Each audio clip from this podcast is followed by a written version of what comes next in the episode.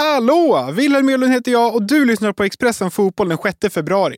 Där Phil Foden har gjort hattrick, Chelsea inte har råd att sparka Pochettino och David Beckham buades ut på grund av Messi. Det och mer i dagens avsnitt.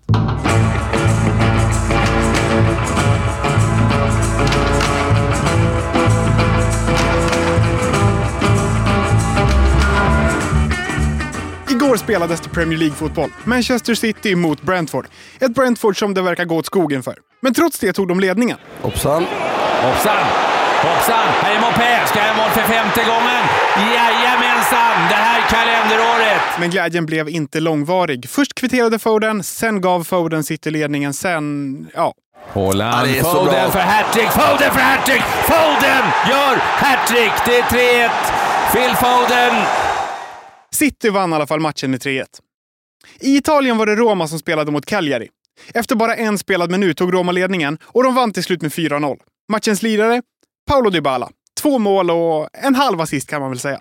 Dybala with the set piece. Paredes turned it goalwards, and it's in again. Rayo Vallecano tog emot Sevilla i La Liga och det är nog ingen som är gladare än Sevilla att afrikanska mästerskapen är över för Marockos del. För för dem innebär det att Youssef El Nesiri är tillbaka hos dem.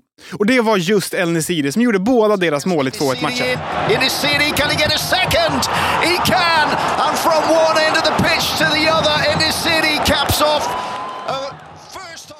IFK Göteborg har varit med om en speciell match. Först skulle de spela mot Midtjylland, men de ställde in på grund av skadebekymmer. Och istället fick de spela mot deras samarbetsgäng. Ett portugisiskt andra ligalag som heter CD Mafra. Blåvitt blandade juniorer och spelare från Västra Frölunda, deras samarbetsklubb, som flögs in bara för den här matchen. En av dem heter William Sandfor, är 21 år gammal och jobbar till vardags på ett lager. Vad väntar när du kommer hem till Sverige igen? Då är det jobb och träning som vanligt. Eh, Så det är bara tillbaka till vardagen. Du har fått lite uppmärksamhet nu när du kommer ner som division 2-spelare och amatör egentligen. Vad, vad säger du om det? Nej, det är väl så det är. När man spelar i division 2 så klassas man väl som amatör, så det, det är väl inget speciellt. Men eh, det har varit kul att få känna på det här nu, så bara försöka ta tillbaka det här till division 2 om man säger.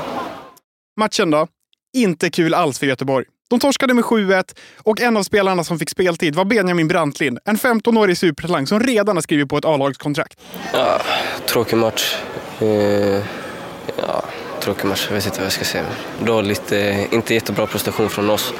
Men eh, i andra halvlek så tycker jag att eh, grabbarna ska få en eh, ja, men en push att vi ändå löser det bättre och kommer oss ur den där dippen.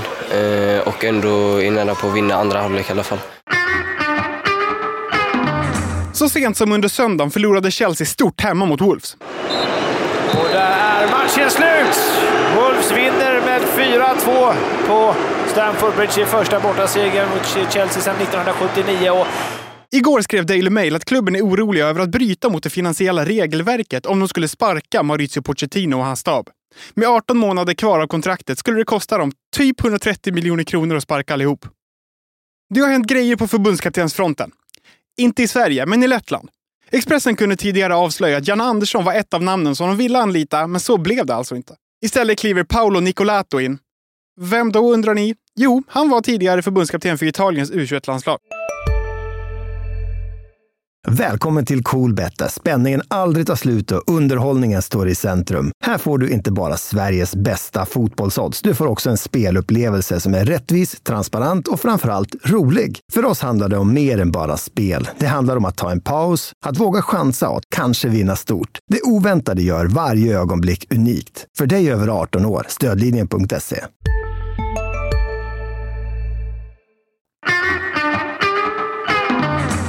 David Beckham, Lionel Messi och deras Inter Miami är på Asien-turné. Först spelade de matcher i Saudiarabien och i förrgår spelade de mot Hongkong Allstars i Hongkong. Publiken buade däremot och det var för att Messi inte spelade. I arrangörens avtal stod det att Messi skulle spela minst 45 minuter om han var frisk. Men det gjorde han alltså inte. Trots att han satt på bänken. För han var skadad.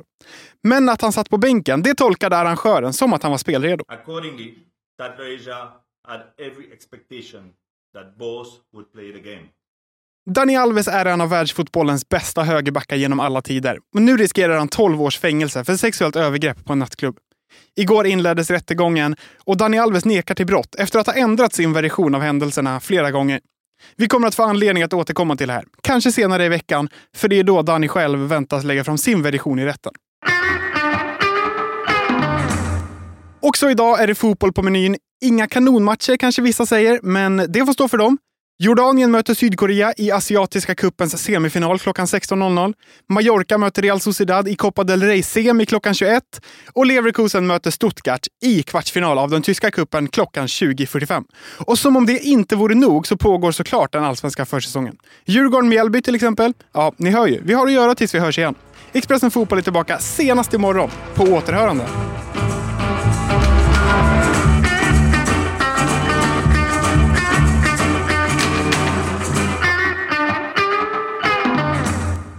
Du har lyssnat på en podd från Expressen. Ansvarig utgivare är Klas Granström.